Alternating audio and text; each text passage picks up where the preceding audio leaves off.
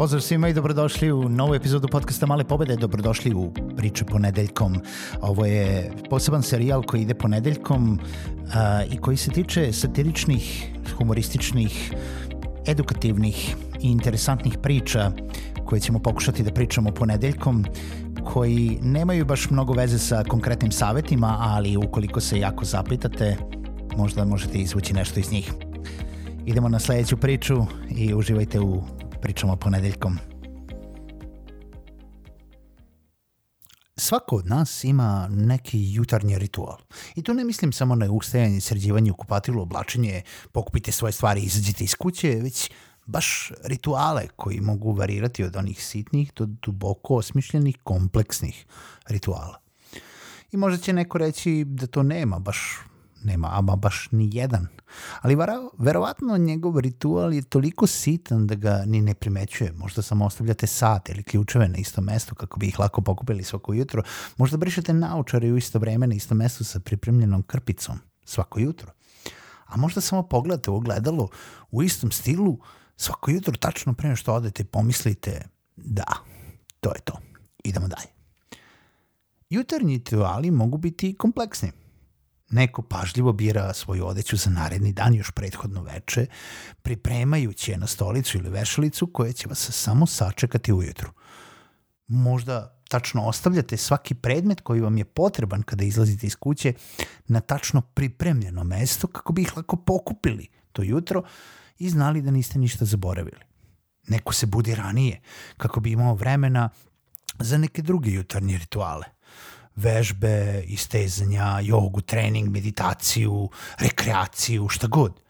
A neko samo želi da se opušteno spremi, skuva kafu i popije je u miru ili uz pregled vesti, omiljenu muziku, u tišini ili u jutarnjem planiranju tog dana. Neko planira svoj dan, sastanki, razgovore, aktivnosti, zadatke, obaveze, veče pre, neko ujutru, a neko to ne radi. Mada Ako ste ikada to probali da radite u nekom minimalnom kontinuitetu, znali biste da je to izuzetno korisna aktivnost. Oni koji misle da nemaju jutarnji rituale i da ih možda nikada neće imati, to sigurno promene kada postanu roditelji. Pogotovo sa malom decom i školarcima. Nemate gde. Sve što ono što vi sami morate da uradite i sada i dalje morate da uradite. Samo to radite kao u trci sa preponama. Nije to samo šprint do vrtića i škole. Nije to samo buđenje u momentu kada zazvoni sat, pa svi znaju svoje obaveze i svako će da se sredi sam. Ne, ne, ne. Uvijek postoji neki otpor, uvijek postoje neki neočekivani preokreti. Da, da, znate o čemu pričam. Zato roditelji veoma brzo uđu u neke nove jutarnje rituale i oni se menjaju skoro svake godine. Bitno je testirati i biti spreman na adaptaciju u svakom momentu. Jer ono što je možda radilo juče ili prošle nedelje ne mora da znači da će da znači radi i važi danas. Nebitno koliko rano ustanete, koliko dobro objasnite svačije obaveze, koliko ste spremni na sve, nije dovoljno da budete samo racionalni da ne kažem poslovni ljudi, jer u ovom slučaju ste roditelji ne, nema veze sa poslom, jer kao roditelji morate biti na nivou spremnosti zelenih beretki, spremni na sve. Meni je vreme bitna stavka. Imam i svoje rituale, ali sve se odigrava oko pravovremenog planiranja vremena, buđenja na vreme i odlaska od kuće u određeno vreme da bi se ostale obaveze isto odvile u određeno vreme. Ebi ga, bitno mi je. Nekome je bitno nešto drugo, meni je bitna stavka vreme i plan. E sad, sve ovo što sam vam rekao, sam vam rekao da bi vam rekao nešto drugo. Tačnije, da bi vam ispričao jednu kraću drugu priču.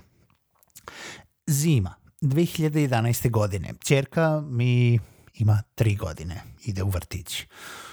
Supruga je trudna sa drugim detetom, a ja sam redovno zaposlen u nekoj većoj državnoj firmi.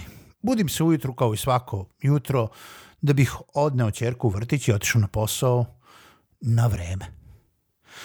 Jutarnji ritual je tada obuhvatao buđenje u nekih 6.30, spremanje, odevanje sa pripremljenom odećom, buđenje ćerkice, davanje vremena da se rasani, ali da ne probudi suprugu koja je imala nešto težu trudnoću, zatim ide oblačenje, spremanje, pokreti, krećemo u vrtić kako bi stigli jel, na, na drugi deo grada kako bi ja posle toga stigao da se vratim do drugog dela grada na dalji posao. Bilo je jedno od onih težih jutara. Nećemo da se razbudimo, svađemo se oko toga zašto se ne može ostati kući danas. Razločimo se oko oblačenja jer ruka ne ide u nogavicu i nogavica ne ide na glavu i tako dalje. Ode vreme. U momentu pokreta već smo bili u debelom kašnjenju, barem u mojoj glavi. A ja to dosta loše podnosim. Ajmo, ajmo, idemo, idemo, radimo, krećemo, ali tata, nema više ali tata, moramo da idemo, moramo da kasnimo, moramo da idemo, kasnimo, kreni, idemo, idemo, idemo, kreni. Otključavam vrata, izlazimo, ispada mi ključ, zaključavam vrata, usput ispadaju i neke ružne reči iz mojih usta i tako dalje, ali tata, nemoj me sad, ali tata. Ali tata, šta je ali tata, usput zaključavam vrata. Hladno mi je. Sad ćemo da idemo hladno ti jer si ustala rano, je napolju je zima, proći ćete brt, skači malo, kreći se, neće ti biti hladno. Idi malo dva, dva kruga levo desno po ovaj, spratu dok ja zaključam vrata, rastrči se i ti neće biti hladno. Ali tata hladno mi je po nogama. I tada se okrećem i vidim da sam dete u svom onom kreni, ajmo, idemo, kasnimo, isterao iz stana bez cipela. Stoji u hodniku zgrade samo u čarapama. Pa dobro, imamo vremena da se vratimo, ako je do toga.